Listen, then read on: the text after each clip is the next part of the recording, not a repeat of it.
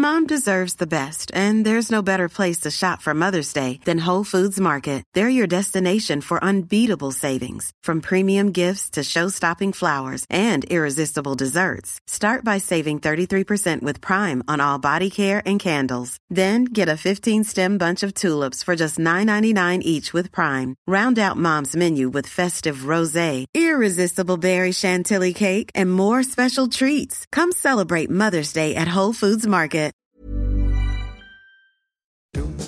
Hallo allemaal en welkom bij de derde helft. Vandaag ben ik, Gijs, voor het eerst aan Snijboom gekoppeld. Omdat er ook voor ons nog steeds zomerstop is, volgt er geen reguliere derde helft. Waarin we normaal gesproken in 45 minuten een eredivisie speelronde doornemen. Maar wel hebben we nu de zevende aflevering van onze zomerserie, Dubbele Dekking. Ja, het idee is simpel. Twee van ons tegenover twee gasten om te praten over hun band en hun band met het voetbal. Vorige week hadden we het met Hugo Borst over zijn fanschap van Sparta. En vertelde radio-dj Frank van der Lende hoe hij juicht als hij voetbal op de radio luistert. Vandaag zitten we tegenover twee sportjournalisten met een passie voor voetbal. En niet de minste, sportjournalistiek talent van het jaar Michel Dodeman en sportjournalist van het jaar Frank Heijnen. Ik hoop dat toekomst koeken. Bij elke keuze twijfel ik. If Ona will fuck me, of course. Doe je leren bekleding, pak je een automaat. Ik ben wel even klaar met het uh, relatief voetbal.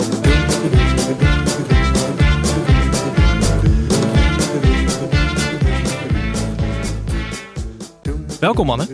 Dank. Dankjewel. Dankjewel. Hebben we enig idee, hebben jullie enig idee wat we hier gaan doen vandaag? Misschien voor context, we zitten in de tuin, de voortuin van Frank Heijn in Utrecht. Het is een mooie Klopt. Zomerse, na, zomerse avond. Ja. Wat gaan we hier doen? Heb je enig idee Frank of niet? Ja, we gaan het eh, eh, over, over voetbal hebben, denk ik. En over, ja, ik vrees ook over ons. Je vreest juist. Snijbo legt het concept even uit. Uh, ja, wij gaan aan de hand van uh, een scherpe voetbalstatement uh, statements gaan, gaan we het hebben over jullie band met elkaar en jullie band met het voetbal. Ehm, halverwege ook het befaamde en beruchte 45 seconds. Dus Ja. jullie mogen nu alvast nadenken over wie Oh, welke rol pakt. Maar Ja. voordat we beginnen zouden wij graag willen dat jullie elkaar een beetje voorstellen. Dus Frank, wie is Michel? Nou, Michel is. eh, ik heb Michel maar één keer eerder ontmoet. Eh, Dat was eh, net. dat, was, eh, eh, dat was een paar maanden geleden toen we allebei die prijzen kregen waar je het, eh, waar je het over had. Op een, op een diner in, op Papendal was Ja. dat. En eh, eh, daar, wa- was, daar was Michel zeker eh, de jongste. En, en nou ja, de, ik ben denk ik ruim tien jaar ouder. Maar ik was denk ik de op één na of op twee na jongste ongeveer daar. Dit, ja, dan, gewoon, dan heb je een idee van wat de gemiddelde leeftijd er ongeveer was. En het, het, was, nou, het was wel gezellig om daar even... Pieter Zwart was daarbij, onder andere. En Sam van Raalte, de hoofddirecteur van Vice Sports. Nou ja, goed, dat was, dat, dat was een, eh, een wonderlijke avond. Maar eigenlijk is Michel voornamelijk mijn eh, bron... als het gaat over alternatief voetbalnieuws. Dus als ik wil, wil weten, eh, als ik gewoon een andere invalshoek wil over het nieuws... en ik wil eigenlijk weten hoe ik eigenlijk zelf naar de voetbalactualiteit moet kijken... dan check ik even Michels Twitter om... Noem de hendel maar. Eh, is, is gewoon Ed Michel Dodeman, denk ik, Jazeker. toch? Ja. Creatief? Leuke, leuke reclame. Ja, absoluut. Toch weer twee Toont volgers erbij. creativiteit hoor, die hendel. Hey, verder voor de. eh, eh, ik heb ook een bron die heeft iets over je achtergelaten. Verder is Michel Dodeman een droogkomische taalvirtuoos. Schrijven is zijn passie, maar ook heeft hij even geroken aan het vak van cabaretier. Samen met onze Tim stond hij namelijk ooit in een uitverkochte kleine komedie toen het mo- nog mocht als finalist van het Amsterdams Kleinkunstfestival. Mede door zijn originele stukken voor Five Sports werd Michel verkozen tot sportjournalistiek talent van het jaar 2019. Daarnaast is hij een Twitter-fenomeen, zojuist benoemd door Frank, groot aandeelhouder van het Spaanse Real Murcia. En heeft hij een eigen podcast over televisie of televisie. Oh ja. Ja. En sinds deze week heeft hij een eigen voetbalblog, Paradijsvogels. Maar bovenal heb je een lichte obsessie met half mens, half dier, Heiko Westerman. Dit is eh, geschreven door Tim. Dit is onze eigen Wist je Ja, toch, van bij Tim. droogkomische taalvirtuoos wist je toch al dat Tim dit geschreven had? Maar het klopt toch wel een beetje of niet? Ja, nee, zit, de- zit de kern van waarheid in. We zullen vast op Heiko Westerman terugkomen later Ik hoop deze, het wel, ja. later Ik hoop deze het wel. show. Mag ik alvast weten hoe, hoe het staat met je cabaret-carrière eigenlijk? Want daar laat je op Twitter nooit iets over los. Nee, we hebben in, in 2018 hebben we toen heel veel eh, opgetreden. Ja. Eh, door heel Nederland. Met eh, wisselend succes, kan ik zeggen. en eh, nee, toen aan het einde waren, waren Tim en ik er eigenlijk allebei een beetje toen vonden we het eigenlijk wel even mooi geweest. Met En, elkaar? eh, of met... Nee, nee, meer met het, met het optreden. Het was Ja. eigenlijk heel veel in één keer, terwijl we daarvoor nooit op het podium stonden. En ja, sindsdien is dat eigenlijk even on hold gezet. Het is nog steeds on hold. en nou, misschien in de toekomst nog een keer. Maar voor nu hebben we het ook allebei eigenlijk... ja, je moet dat eigenlijk gewoon... Je moet daar wel 100% voor gaan. Ja, maar jullie zijn niet officieel uit elkaar. Nee, dat niet. Dat hoefde niet. Living, living, living apart together is het nu. Om maar even de voetbalcliché te gebruiken. Zeg nooit nooit, hè? Precies, precies. Michel, vertel ons en vertel de luisteraars. Wie is Frank Heijnen? Nou, ik heb eh, Frank Heijnen ook één keer ontmoet. Zo raar, zo raar. Eh, Frank Heijnen is de eh, beste sportschrijver van Nederland. Ik weet niet of je het eng vindt als ik dat zeg waar hij naast zit. Ehm, hij schrijft voor talloze media, te veel om op te noemen eigenlijk. Van HP De Tijd tot VI, tot eh, de Volkskrant, tot Hartgras.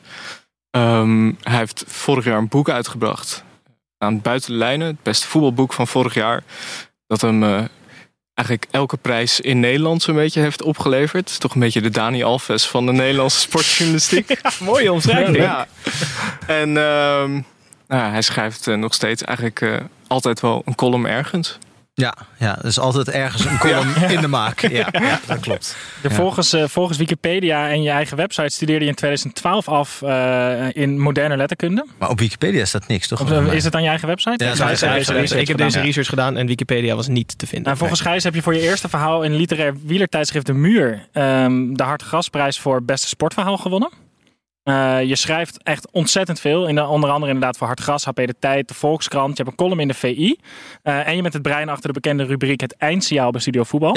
Ehm, en ik kwam erachter dat eh, Ryan Babel jou heeft duidelijk gemaakt... dat je toch echt nooit voet- profvoetballer zou worden. Ja, dat klopt, ja. ja dat, heeft hij dat echt zo gezegd? Nou, nee, heeft hij niet letterlijk zo gezegd. Maar hij liet zijn voeten spreken, zeg maar. Nee, het wa- was op een toernooitje bij BFC. Eh, eh, sommige van de aanwezigen wel bekend. Een eh, cl- club in Bussum. Die hadden toen een soort zomertoernooi. ehm, waarin SDO, de andere Bussumse club, werd uitgenodigd. En allemaal jeugdteams van profclubs. Dus wij speelden dan met een soort team onder 20 tegen de A1 van Heerenveen en Sparta en noem maar op. En de A2 van Ajax. En, en ik was toen, nou, het was, ik was denk ik 17. Ik mocht meedoen met ons onder 20 team. En ik dacht, nou ja, nog net op de grens van. Ik wist eigenlijk wel dat ik geen, geen goede voetballer was. Of wel een redelijke voetballer ooit geweest. Maar nou ja, zoals, zoals eigenlijk naarmate je ouder wordt, je eh, met terugwerkende kracht denkt dat je veel beter was dan je was. Eh, eh, maar het, ik was toen in een fase dat ik dacht, nou wie weet, misschien ben ik een laadbloeier. Weet Ja, je wel, dat als je ik deze wedstrijd goed ja, dan. Ja, ik ben misschien nooit gescout en ik, het is nooit echt opgevallen, maar misschien is dit het moment. En ik was echt in vorm. Die trainingen vooraf gingen allemaal heel goed. En toen was de eerste wedstrijd tegen Ajax A2. Binnen vijf minuten had Ryan Babel twee goals gemaakt. Daarna werd hij onderuit geschopt en gewisseld. Want wij waren natuurlijk ook gewoon een stel lompe eh Bussumse boeren een beetje. En, eh, maar je zag gewoon het verschil tussen mensen die echt eh, sportbedrijven en mensen die gewoon een hobby hebben. Dat was even heel erg, heel erg aan de hand. En daarna wonnen we nog wel van Den Bosch A1. Toen bleek dat die ook een hobby hadden. maar, dus, dat was een hoogtepunt in jouw voetbalcarrière. ja, ja, dus eh, het was een, een dag van hoogte- en dieptepunten. Maar Ryan Babel was wel even, dat was wel andere koek. Dat had ik meteen eh, in de smies. Ja. Er, er- speelde ook Paul Kwasten eh, speelde in Ja, het ja, team. linksback van RKC Ja, ja die, was, die vond ik ook vrij indrukwekkend. Die bleef, maar dat was eigenlijk de Dani Alves van Ajax A2 toen. En voor de rest is, heeft er volgens mij niemand echt het ervan gemaakt. Dus kan je nagaan. Dat, dat was eigenlijk een team met een best wel matig team. Waar dus, dus die ons volledig overklaste in een wedstrijd van 20 minuten of zo. Wel een leuk bruggetje naar het volgende eh, onderdeel van het voorstelrondje. Je noemt een aantal cultnamen inmiddels. Ja. Frank, wie was jij op het schoolplein vroeger? Nou, op het schoolplein eh, had ik geloof ik niet echt een, eh, eh, een naam. Of dat deden we niet echt aan, zodat je, je je eigen commentaar erbij gaf. Maar dat had ik op het pleintje bij ons thu- thuis wel. Daar was ik toch het vaakst, denk ik, in mijn hoofd liedmanen. Ja. En ook daarvoor nog, toen ik iets jonger was, Marciano Vink. Die, eh, eh, die had eh, bij, op de school gezeten waar mijn vader les gaf. Die- Mijn vader was mentor geweest van, van Marciano Vink. En dat zo dicht bij iemand die ooit in Nederland zelf had gezeten, dat vond ik, vond ik echt ongelooflijk. Dus ik, ik weet, weet ik verder helemaal niet. Toen speelde Vink denk net bij Genua. Toen maakte die waanzinnige goal waar, waar, hij eigenlijk beroemd mee is geworden in Italië. Zo'n solo vanaf de middenlijn. En dat, dus nou, dan keek ik daarna op, ik denk nog bij de NOS met Emiel Schelvis. Studio Italia. En eh, nou, dat vond ik echt. Ik vond Marciano Vink geweldig. En later vond ik Liedman eh, was mijn, eh, was mijn grote, grote held. Marciano Vink en Liedman. Toevallig twee ajax was Ik was geen fan van Ajax, maar het waren wel, uh, waren wel twee Mooie keuze. Kan jij eroverheen, Michel? Ik heb hier de hele week naar uitgekeken. Wie was Michel Dodeman op het, op het Nee, het, is, schoolplein? het is heel saai eigenlijk. Ja. Ik wilde eh, Ronaldinho of Adriano zijn. Ja, dat zie ik wel. Maar ik was James Milner op een slechte dag. Eh, en ik had ook altijd een hele rare obsessie met langharige verdedigers. Dus ik had ook een periode dat ik heel graag Thomas Uifalusi wilde zijn. Oh ja. Stenja Krikiera. maar, maar je noemt er zes, hè, maar, rouwdouwers. Ja. wie, van wie was als ik er één moet? Ja. eh, één, dan denk ik Adriano. Dat, ja, maar die Maar dan die tijd- Adriano van Pro Evolution Soccer 6. zeg Precies, maar die. ja. Een beetje En zo niet die van 2004, 120 kilo. Nee. eh, nee. Nee, niet die ene die met wapens door de favela liep een Nee, jaar- nee, nee. een paar jaar later. Maar weet je, in 2004, 2005, rond die periode was het Braziliaanse elftal was natuurlijk echt fantastisch. Ja, dat was echt met de Joga Bonito reclames. En dat Ja, was alles daaromheen, ook qua marketing en Ja. reclames, was het heel tof. En qua shirts en qua spelers. Dus toen, ik denk, ja.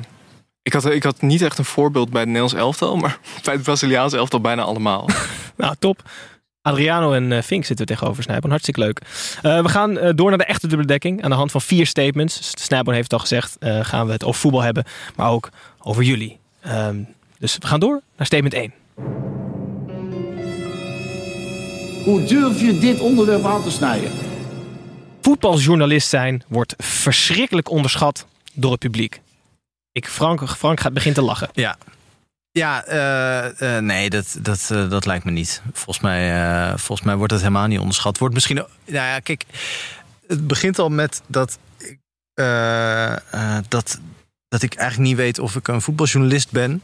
Of dat ik een journalist ben, überhaupt. Dus, dus eh, misschien dat je dat ook aan een echte journalist moet vragen. Dus iemand die al die trainingen bezoekt en al die vreselijke persuurtjes. En in die mixed zone staat te wachten tot, eh, eh, tot er mensen langslopen die niks willen zeggen en zo.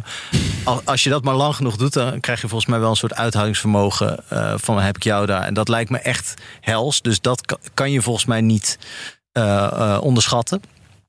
Of, overschatten? Onderschatten. Ja. Onderschat. Doet er niet toe. Maar in ieder geval, dat lijkt me echt... Nou, eh, doet er niet toe. Nee. ah joh, taal. Maakt het uit. Frank weegt de woorden niet zo. Nee, nee, maar dat lijkt me echt loodzwaar. Maar dat doe ik dus ook eh, om die reden niet. Want eh, daar, heb ik, daar heb ik helemaal geen zin in. En daar ben ik ook niet zo goed in. Dus, eh, de, nou ja, de- dus mijn vorm van voetbaljournalistiek, laat ik het dan zo zeggen... dat, dat ik denk niet dat dat, eh, dat, dat heel erg... eh, eh, ik, vind, het- ik vind het heel erg leuk. Ik heb er heel erg veel plezier aan. Er zit wel eens wat tegen en het is wel eens wat lastiger. Maar eigenlijk is het, ik vind het best wel een luxe, luxe bestaan. Ja, ik vind het heel, heel fijn dat, dat, het- dat ik mijn geld mee kan verdienen. En hoe zit, hoe zit het bij jou, Michel? Ik denk dat jouw stijl dichtbij, eh of dichter bij Franks Heines stijl ligt dan bij de mixed zone wachter Ja. op de spelers. Nee, ik ben, ik ben ook niet echt een journalist. Ik denk eerlijk gezegd ook niet dat het, dat het onderschat wordt. Ik denk misschien wel wat jij ook zei. Voor als je bijvoorbeeld eh, Mike Verwij bent, met Ajax-watcher. Dan kan ik me wel voorstellen dat je daar de hele dag mee bezig bent. Je krijgt de hele dag berichten van mensen. Je bent de hele dag eh, bezig met transfers en geruchten. Eh, dus ik denk dat misschien de intensiteit wel onderschat wordt. Ja, en echte bijvoorbeeld ook die, die, die mensen bij, bij Voetbal International bijvoorbeeld, wat ik, wat ik dan nu van iets dichterbij volg, die, die schrijven, die moeten inderdaad de hele tijd zo aanstaan, volgens Ja. mij, want dat gaat natuurlijk 24 uur per dag door.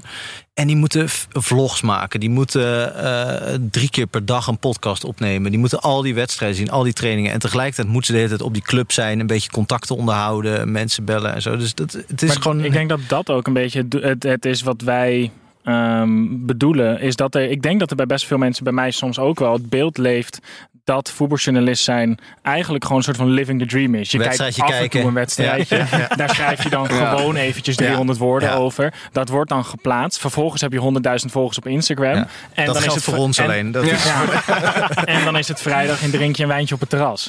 Terwijl het is, het- zeg maar, de, de echte voetbaljournalist. En ik, ben, ik vind het ook wel interessant dat jij zegt van ik vind mezelf niet echt een voetbaljournalist. Nee. Terwijl jij hebt een soort van de voetbalbijbel geschreven in 2019. Ja, ja, dat is toch echt meer voetbal schrijven dan voetbaljournalistiek. Ik Ja, bedoel, dat is echt, zoals dat, ja, desk research of weet ik veel wat. Ik bedoel, ik heb daar wel mensen voor geïnterviewd en ik ben daar wel voor op zoek gegaan. Maar dat is eigenlijk voor 90% gewoon eh, eh, zoeken en schrijven. Dus daar zit het meer in het formuleren en het nadenken en het noem maar op, dan in wat volgens mij voor heel veel voetbaljournalisten 80% van het werk is. Het onderhouden van de contacten. Het, Overal het overal zijn. o- eh, altijd aanstaan. Nou, dat lijkt me echt dodelijk vermoeiend. Ik ben echt dolblij dat ik dat niet hoef. Ja. Ik heb tien jaar geleden...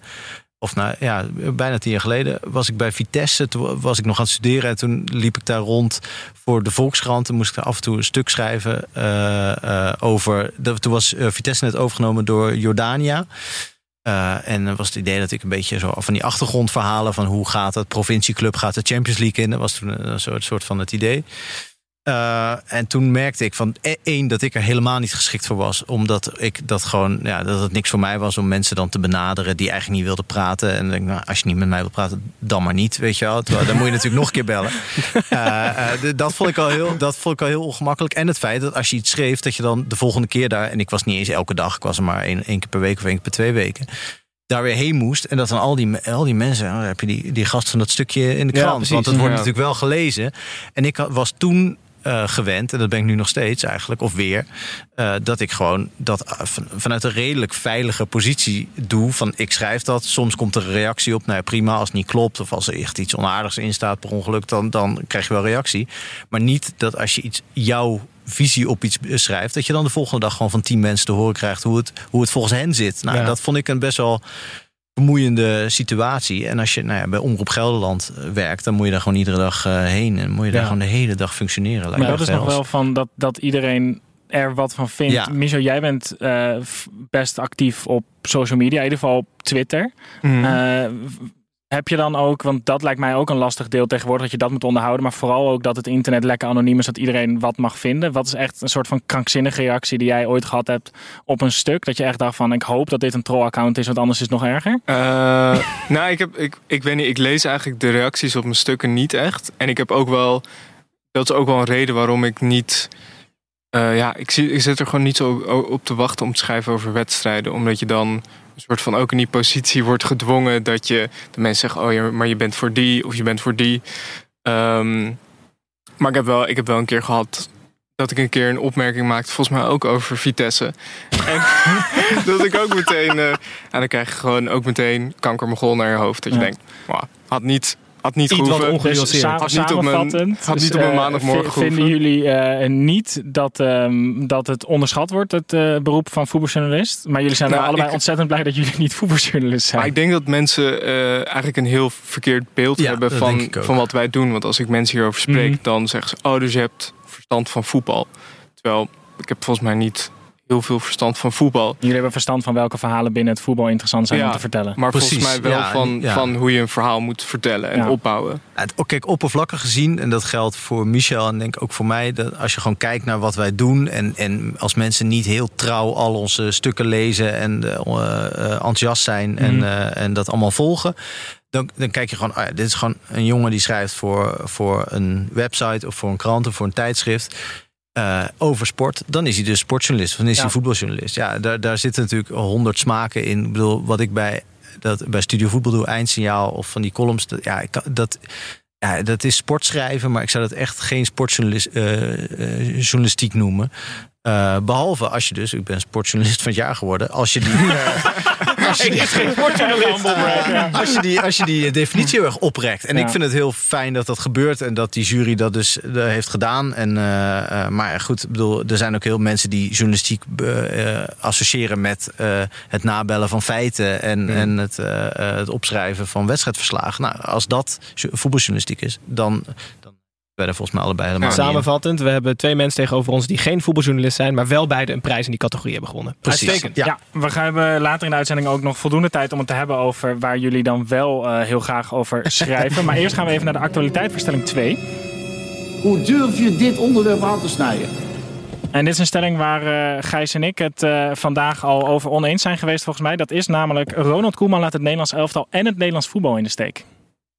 Ja, wie, wie, wie, eh, wie was het eens met die stelling? van Nee, de vraag is eerst ja. Hij gaat wel heel slim proberen Ja, mee te draaien. ik was gewoon ik benieuwd. vind, ik, wat ik wel interessant vind is dat om het, al- het gaat nu om het Nederlands elftal en dan wordt er gepraat over Ronald Koeman. Ja, Ronald Koeman eh, was bondscoach van Nederlands elftal. Is nu naar Barcelona.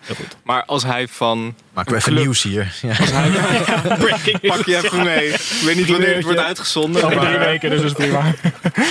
maar als het over een club gaat, dan zegt... Ja, niemand heeft het dan over verraad, volgens mij, toch? Als toen Peter Bos van Ajax naar Dortmund ging... had niemand zoiets van, oh, hij heeft eh, Ajax verraden. Ehm, terwijl voor Ronald Koeman, ja, het is wel duidelijk dat dit zijn droom was. En dat hij dit, zeg maar, normaal gesproken... dat dit misschien niet zo snel eh, voorbij zou komen voor iemand van zijn, met zijn cv. Dus ik weet niet, ik zie, misschien zou ik het rationeel moeten zien als verraad, maar zo voelt het voor mij niet. Voelt voor mij vooral als iemand die zijn droombaan krijgt. Kijk, wat ik, want dat is het deel, eh, en dan wordt het misschien een beetje ja, voetbalneurderig, maar er staan bij Barcelona volgend jaar voorzittersverkiezingen Ja. eh, op de planning. En ehm, wat in Spanje normaal is, is dat een voorzitter die het zo slecht heeft gedaan als Bartomeu, de huidige voorzitter, de afgelopen jaren, die wordt eruit gekikt. En elke nieuwe voorzitter van een Spaanse club neemt over het algemeen zijn eigen coach mee. Dus de kans is wat mij betreft best wel groot dat Koeman over een jaar gewoon weer op straat staat. Omdat eh, die een van de belangrijkste kandidaten voor het voorzitterschap, Xavi, uit de zandbak wil halen met zijn schep en zijn emmer. En voor die groep bij Barcelona wil zetten. Dus ik zie het nu echt een beetje als dat Koeman eh, gigantisch resultaat boekt en ontwikkeling doormaakt met het Nederlands elftal. En wat mij betreft best wel een grote kans is dat hij gewoon voor één jaartje naar Barcelona gaat. En dat vind ik er zo debiel aan. Ja, maar kijk, het, het probleem is dat je natuurlijk die zekerheid... Kijk, iedereen zegt, ja, bij het Nederlands elftal zou hij het heel goed kunnen doen. Hij is, hij is al bijna Europees kampioen, Michel. Maar hij zou ook in de achtste finale uitgeschakeld kunnen worden door Frankrijk. En dan wordt Xavi trainer van eh, Barcelona. Zegt iedereen, ja, waarom heeft Koeman toen niet gedaan? Of als het EK niet doorgaat eh, in, in de huidige vorm, zeg maar. Dus dat is denk ik het ding met Koeman. Hij heeft het al drie keer afgewezen, zegt hij zelf. Mhm. Ja, op een gegeven moment houdt dat natuurlijk ook een keer op.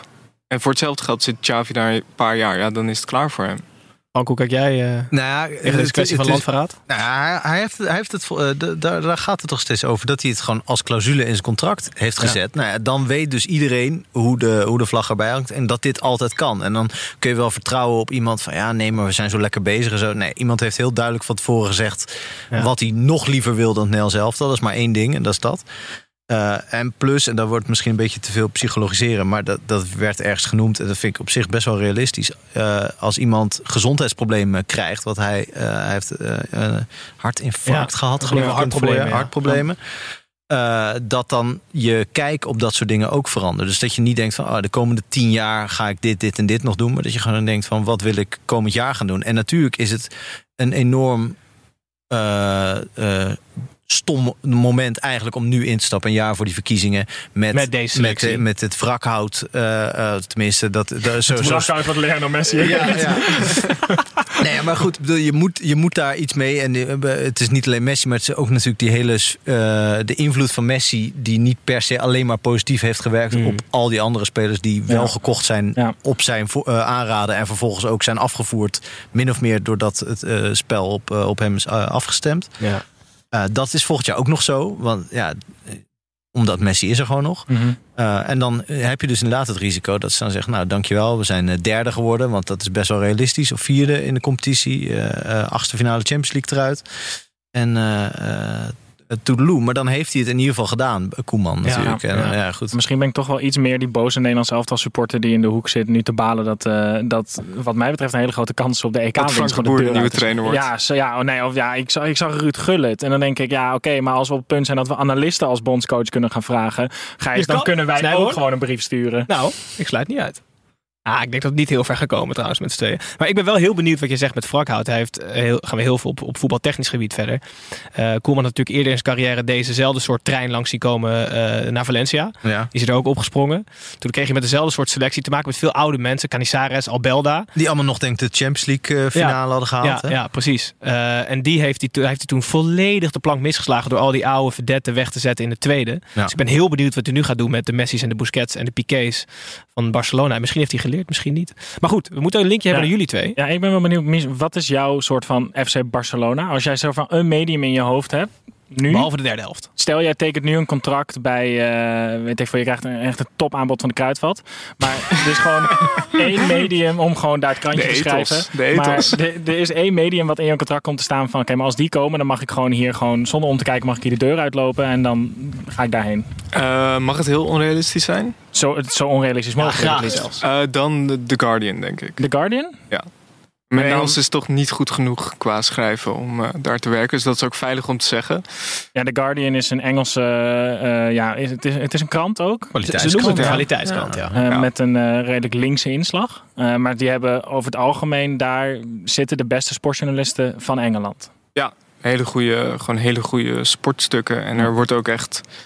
Dat vind ik trouwens ook bij de, bij de New York Times. Dat zijn natuurlijk niet per se kranten die alleen maar bekend staan om. eh, Om een sport- sportafdeling. Om een sportafdeling. Nee, maar er wordt wel, zeg maar, echt. Daar heb je echt lange, mooie stukken. En het is niet zelfs de. eh, ik, ik lees eigenlijk bijna nooit wedstrijdverslagen. Want dat. Ja, ik, ik heb het zelf vaak gezien. Dus dan denk ik, ja, hoef ik het niet nog een keer te lezen. Maar bijvoorbeeld eh, bij de New York Times heb je Rory Smith. En Ja. de- die schrijft zo goed die wedstrijdverslagen. Dat ik denk, ja, dat, dat is gewoon. Dat is gewoon echt maar, Grappig heel dat- goed. Dat Frank ook ja zit te knikken. En ja, Ja, dus ik je ken zit het allemaal wel van zijn eh, Twitter-account. Hij deelt al die stukken. maar, nee, maar het, is, het hangt ook wel denk ik een beetje aan een paar van die... Bij, bij de, The Guardian heb je Jonathan Wilson onder andere. Mhm. En dat zijn...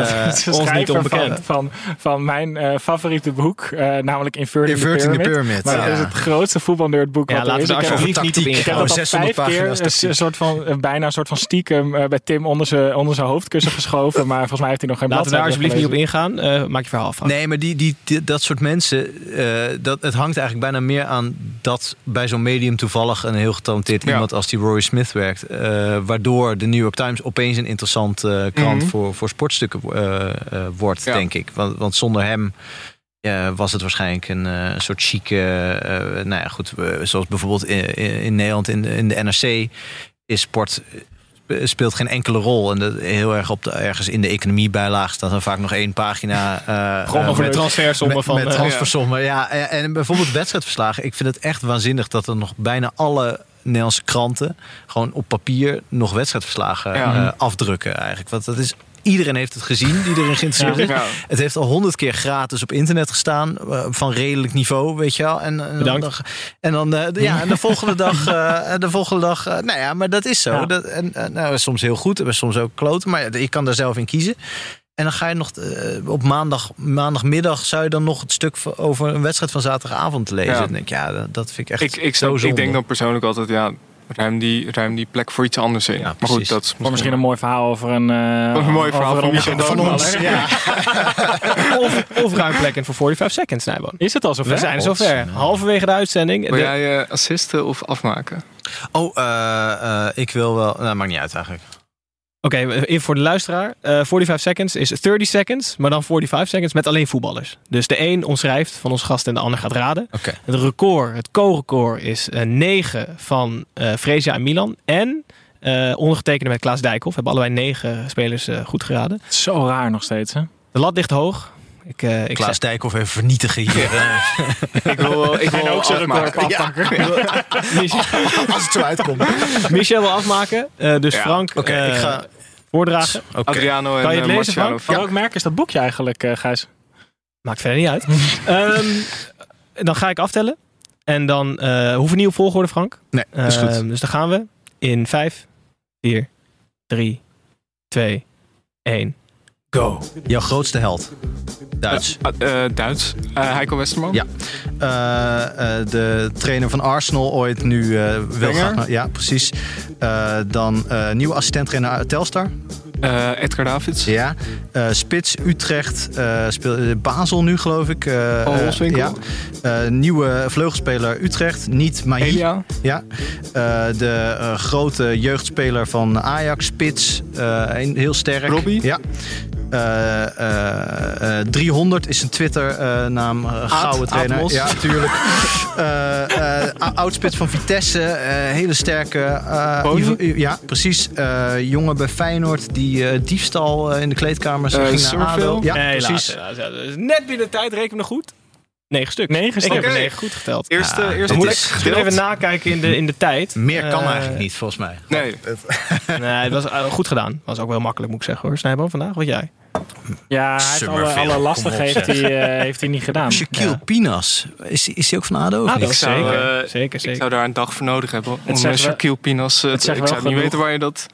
Ja, Verdediger. ADO. Ja, Ja. Grootste talent van Het ADO. zegt wel veel over Michel's hobby is dat je dus eh Heiko Westerman ertussen kan zetten en dat je die dan zo snel weet. Ja. Snijbo. Ik schrok er wel van bij Neem ons, neem ons mee.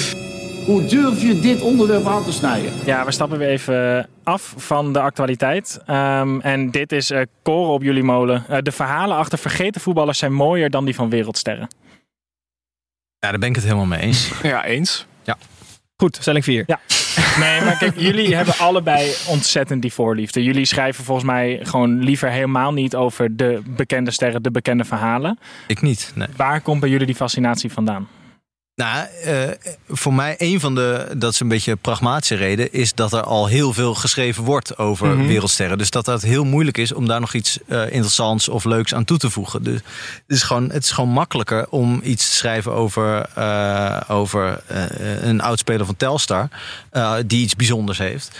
En je gaat, je gaat ook selecteren op of iemand bijzonder is in plaats van eh, kijk voetbal beschrijven als je nou ja, ik, Messi is het meest voor de hand liggende voorbeeld Eh, eh, cliché maar ook wel waar los van dat er al heel veel over geschreven is goed minder goed eh, maar in ieder geval extreem veel iedereen weet alles van hem is gewoon het altijd minder dan hem zien spelen. Dus het is altijd een soort slap aftrek. Als je gaat beschrijven hoe hij voetbalt, dat is altijd. Nou, ja, je kan het beter zien. Maar zijn levensverhaal eromheen is wel heel mooi, vind ik.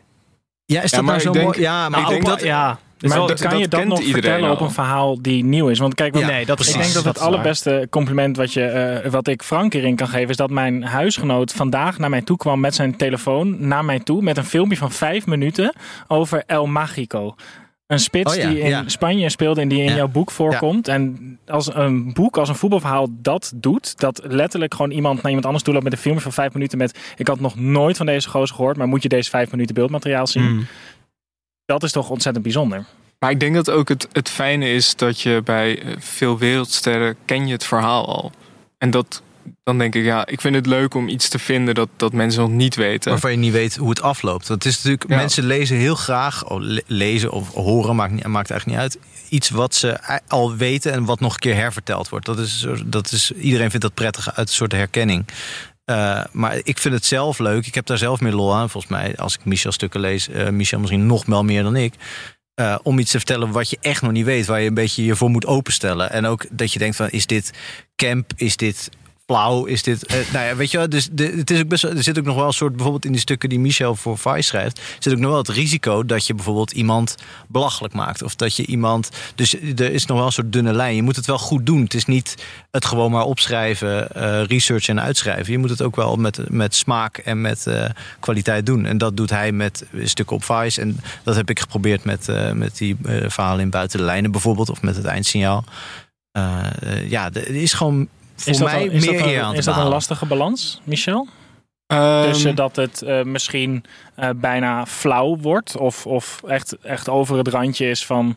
Nou ja, jij hebt een stuk voor Vice geschreven over een mysterieuze beller op de Waddeneilanden. Ik denk dat het niet veel meer niche wordt dan dat. Ja. Eh, Praat even bij, kan dat snel of niet? Ja. Ja, eh, er, er was een, een man, eh, of tenminste, nou ja, het zat zo. eh, een club op de Waddeneilanden werd eh, gebeld. Wat door we noemen een, welk Waddeneiland? Of is dat Ja, dat, dat was op Vlieland. Ehm, en die werden gebeld dat de wedstrijd werd afgelast.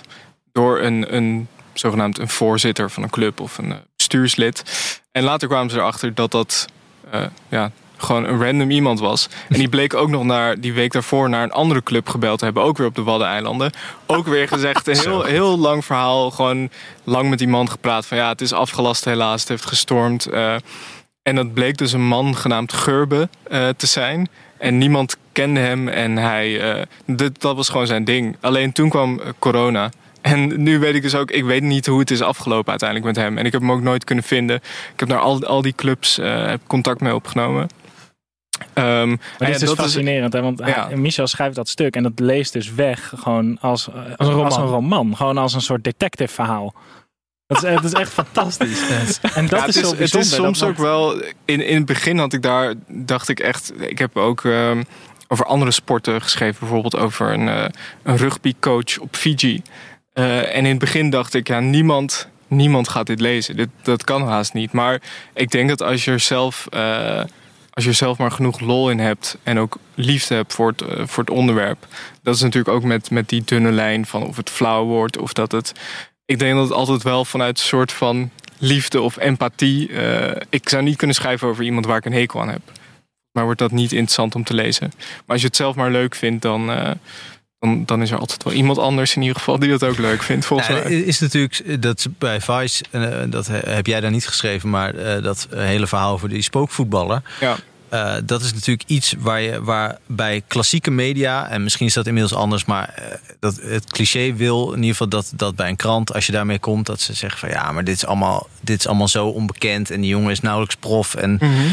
weet je wel, en dat gaat allemaal tijd in zitten en zo. En, en, in dit geval Sam van Raalte, die heeft zich daar dan in vastgebeten. En dat wordt dan dus gewoon een geweldig verhaal. En dan maakt dat zijn eigen lezers. Want je kan mm -hmm. zeggen van, oh, daar klikt niemand op, want niemand kent die gozer. En die clubs waar die speelt ook niet. Uh, maar als het maar goed genoeg gedaan is, en dat geldt voor mm -hmm. de onderwerpen van Michel eigenlijk per definitie.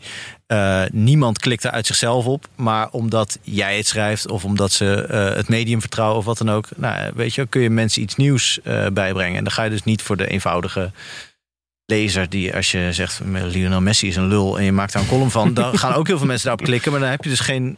Dat, is, dat kan maar één keer, want de volgende keer denken mensen: oh ja, maar vorige, ja. keer, vorige, vorige keer was het, stelde het niks voor, dat stukje. Zeg ja. maar. En dat, ja daar moet je een beetje. Uh, nou ja, goed. Ik denk dat gewoon op een gegeven moment wordt je naam. En dat geldt voor Michel en dat geldt voor heel veel mensen. En maar voor ieder, Frank. Ja, voor mij, voor mij misschien ook wel. bij jou is het, nu, toch, is het bij jou nu niet echt maar. gewoon waar jij nu over gaat schrijven. Mensen gaan het lezen, want jouw naam is gaan verbonden.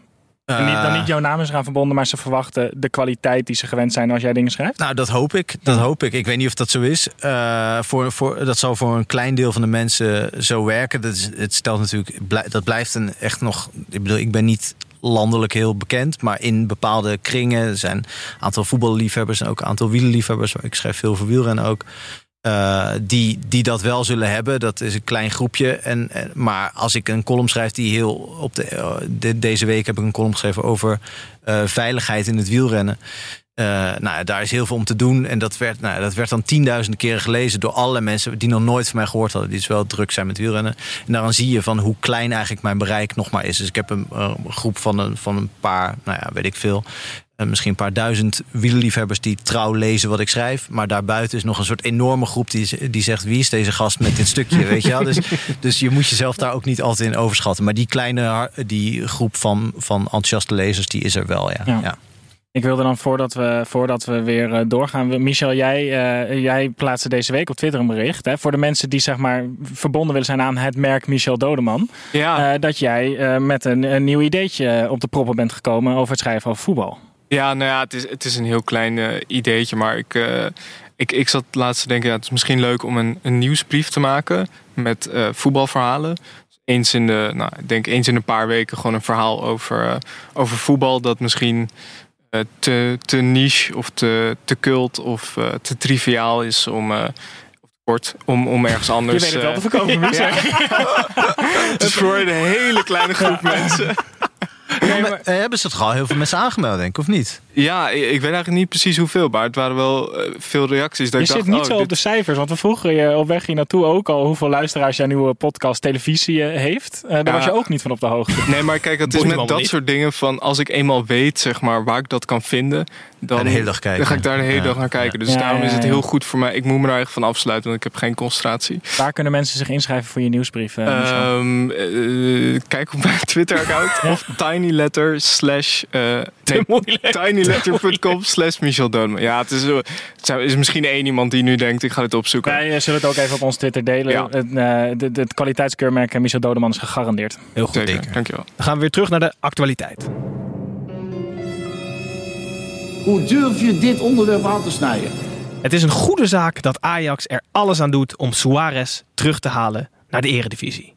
Als je het over spektakel en grote spelers hebt waar iedereen toch alles al van weet. Uh, Michel, wat is jouw eerste gedachte?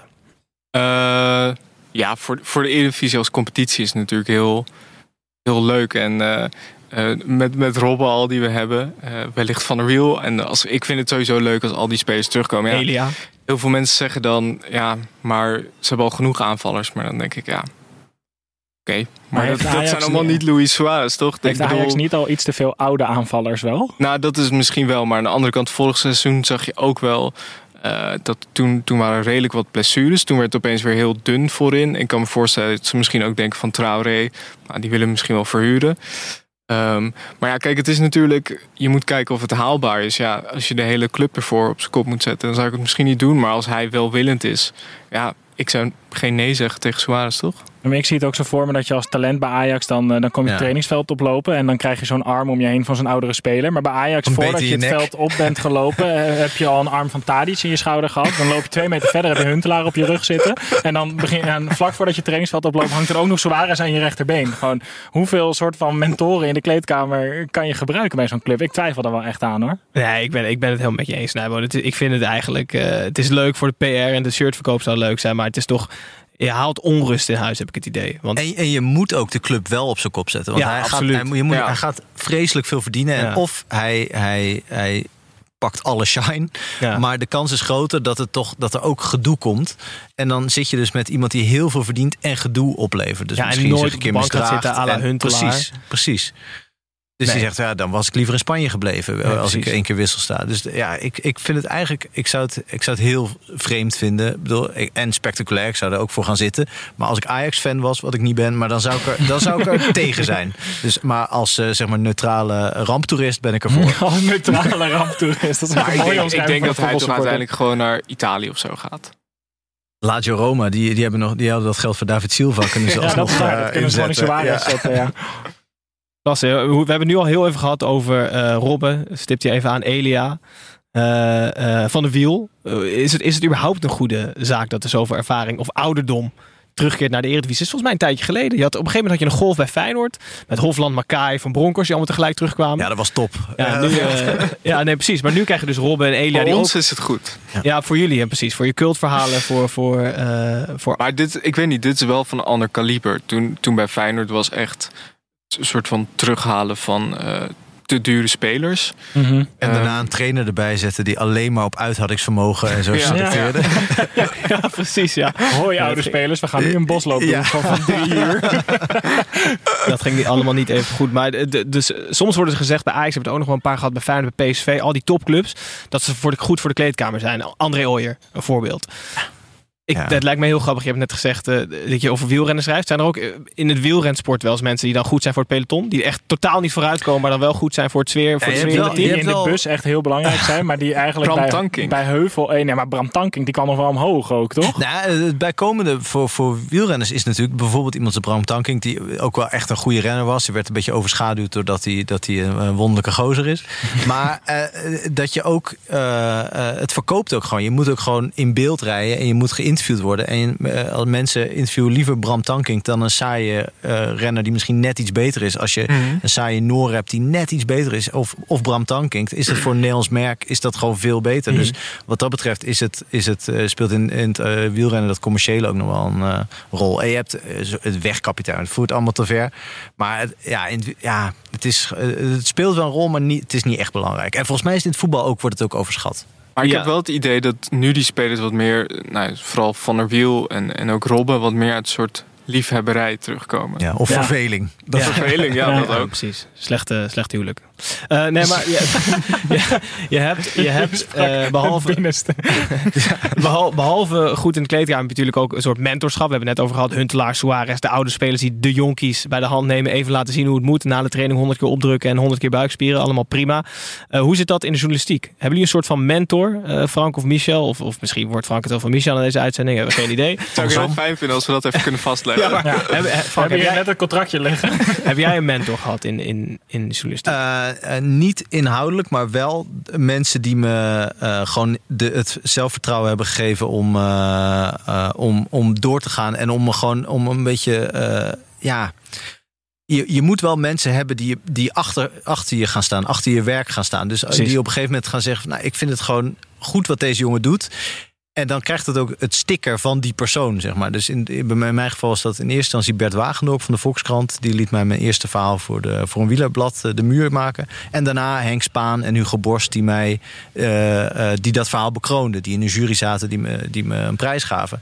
En dan heb je dus twee mensen. En eigenlijk zijn Henk en Bert nog steeds mensen die ik ook nog wel eens om advies heb gevraagd. Ook wel als ik een uitgever moest kiezen. Of als ik, nou ja goed, Bert heeft me ook nog wel eens gezegd van je moet niet te veel verschillende dingen doen. Daar, daar hou ik me niet heel erg aan, maar, maar het is wel prettig. Ja. ja, ja, nee, maar er is gewoon mensen die af en toe en de, nou, ook gewoon je aanraden. Dus als er, als er een plek vrijkomt ergens, dat ze je moet, je moet die jongen eens bellen. En inmiddels is dat misschien niet meer nodig, maar dat is best nog wel lang wel nodig geweest. Want als je jezelf slecht verkoopt, wat ik doe, uh, uh, dan, uh, dan moeten andere mensen je een beetje verkopen. En ook een beetje gul zijn. Want ja, iemand kan ook zeggen, oh, dat wil ik zelf wel. Uh, dus het is heel fijn als iemand gewoon zegt van nee, die jongen van uh, 25 die misschien, waarvan maar de vraag is of die het lang, lang of het lang leuk blijft wat hij doet, de, die, die geven we de kans. Dat... dat leuk, dat doet me denken aan. Ik, ik las letterlijk het juryrapport van Michel toen hij sportjournalistiek talent van het, van het jaar werd. En er zat één zin in. Oh shit, ik moet hem even. Um, kijken, ja, hier. Um, Dit, ik, ik moest hier hard op om lachen, omdat ik het gewoon best wel cru vond. Ofwel, we vernemen over twee jaar helemaal niets meer van dit multitalent. ofwel timmert hij uh, dan ook overal flink aan de weg. Dat, dit was ook volgens mij de eerste zin die ze zeiden. Ja. Kan je tegen iedereen zeggen ook. Toen wist ik meteen, dat is voor mij. Ja. maar Michel, we zijn inmiddels een jaar verder. Welke weg ben je ingeslagen? Uh, nou, het is niet zo dat ik denk... Uh, dat je nou, aan de weg aan timmeren bent?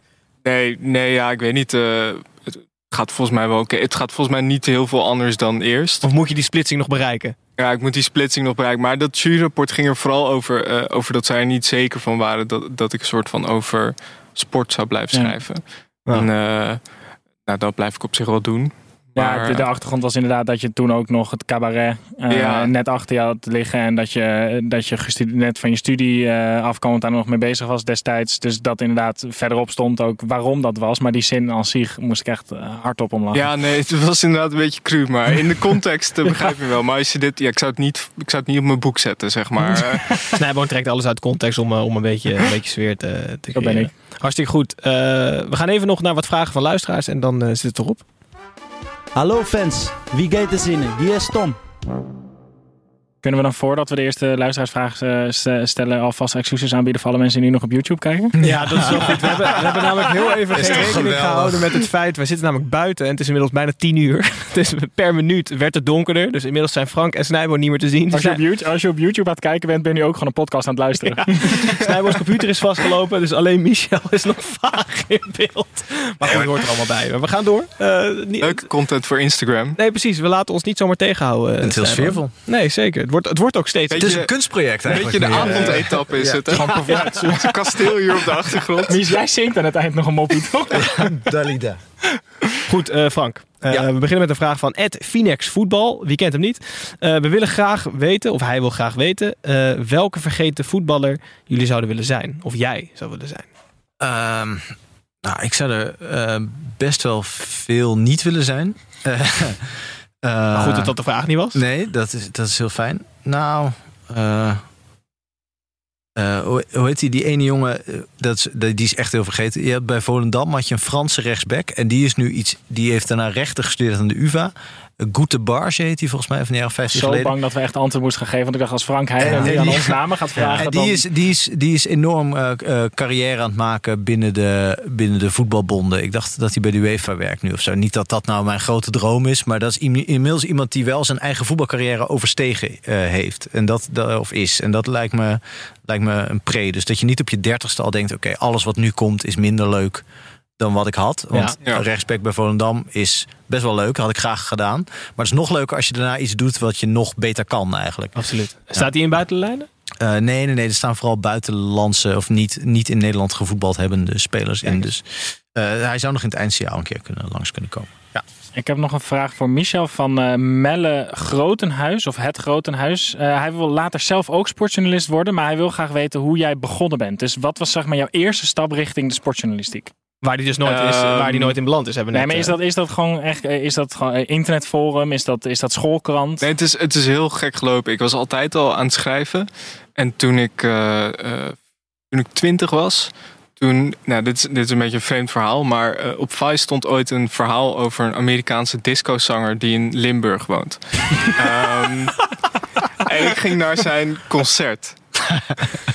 Met ongeveer, met ongeveer 50 andere bejaarden. Het was echt een hele wonderlijke avond, maar ik, had echt, ik vond het top. Eh, en toen dacht ik, ik ga daar een, een stuk over schrijven. Dus ik had een soort sfeerverhaal daarover geschreven. Eh, toen heb ik dat naar Vice gestuurd. Toen zeiden ze, dit is wel leuk, waar schrijf je nog meer over? En toen dacht ik, ik schrijf eigenlijk nooit over muziek, ik schrijf alleen over sport. en op dat moment waren ze bezig om eh Vice Sports op te zetten. Sam van Raalte was toen bezig om Vice Sports op te zetten. En toen ben ik met hem in contact gekomen en heb ik eh, verhalen gepitcht. In de eerste instantie over de Olympische Spelen. En toen eh, ben ik eigenlijk blijven schrijven. Ik ben, Maar je wel hebt dus bang dat, ongevraagd iets opgestuurd. Ja, ik ben ook wel bang dat dit niet de juiste tip is voor Melle. Nee. Absoluut Ga niet. over random Absoluut eh, niet. concerten schrijven waar mensen heen gaan. Niet te veel naar concerten gaan melden. Dat, Michel, ik heb nog één laatste vraag voor jou. Ehm, eh, Bart Peters Weem wil graag weten eh, wat de ergste plek was om te spelen tijdens de finalistentournee van het AKF. Hij verslikt zich bijna in water. Ja, ik eh, weet van wie deze vraag komt. Het is niet van Bart Peetswee. Het, de, de ergste was, we hebben, we hebben opgetreden in Veenendaal. Eh, dat is een beetje eh, een Bijbelbelt, een gelovige plek. En, en Tim en ik gingen voor, de, voor het optreden. Nou, we kwamen daar aan. Dit is een beetje een lang verhaal. Dus Tim was Bart Petersweem. Ja, eh, we kwamen daar aan en we dachten dat we gewoon in een mooie schouwburg zouden spelen. Maar het was in een school, in de aula van een middelbare school. En het was een gigantische aula en er stonden twintig stoelen. En het was gewoon een soort... Het was een soort kamp nou. was het al. Ja, het was echt een soort kamp nou. En er stonden gewoon twintig stoelen. Toen dachten we, dit gaat niet goed komen. En ehm, eh, het, het- toen, toen liepen we van tevoren, gingen we even wat eten halen. En iedereen zat als een soort van aanstaren vanuit hun huizen. En het voelde echt alsof we door een soort catacombe liepen naar die school. En toen, toen kwamen we op en er zaten, nou, er zaten echt, ik denk 15 mensen. En die hadden er geen zin in.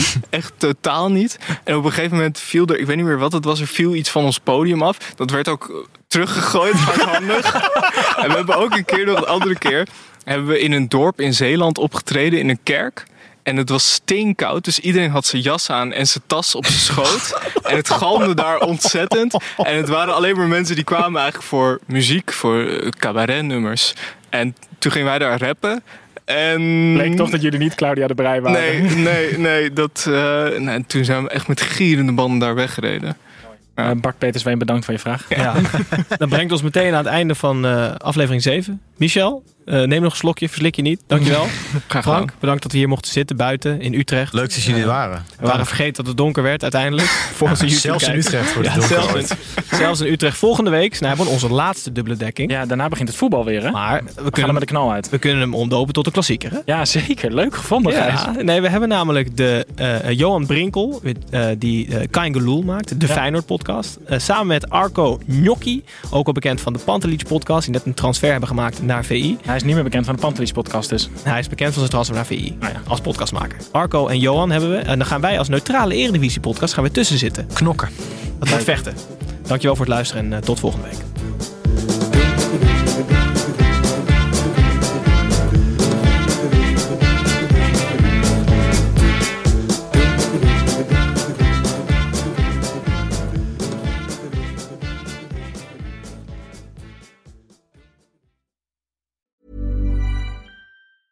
Planning for your next trip? Elevate your travel style with Quince. Quince has all the jet setting essentials you'll want for your next getaway, like European linen, premium luggage options, buttery soft Italian leather bags, and so much more. And is all priced at 50 to 80% less than similar brands. Plus, Quince only works with factories that use safe and ethical manufacturing practices.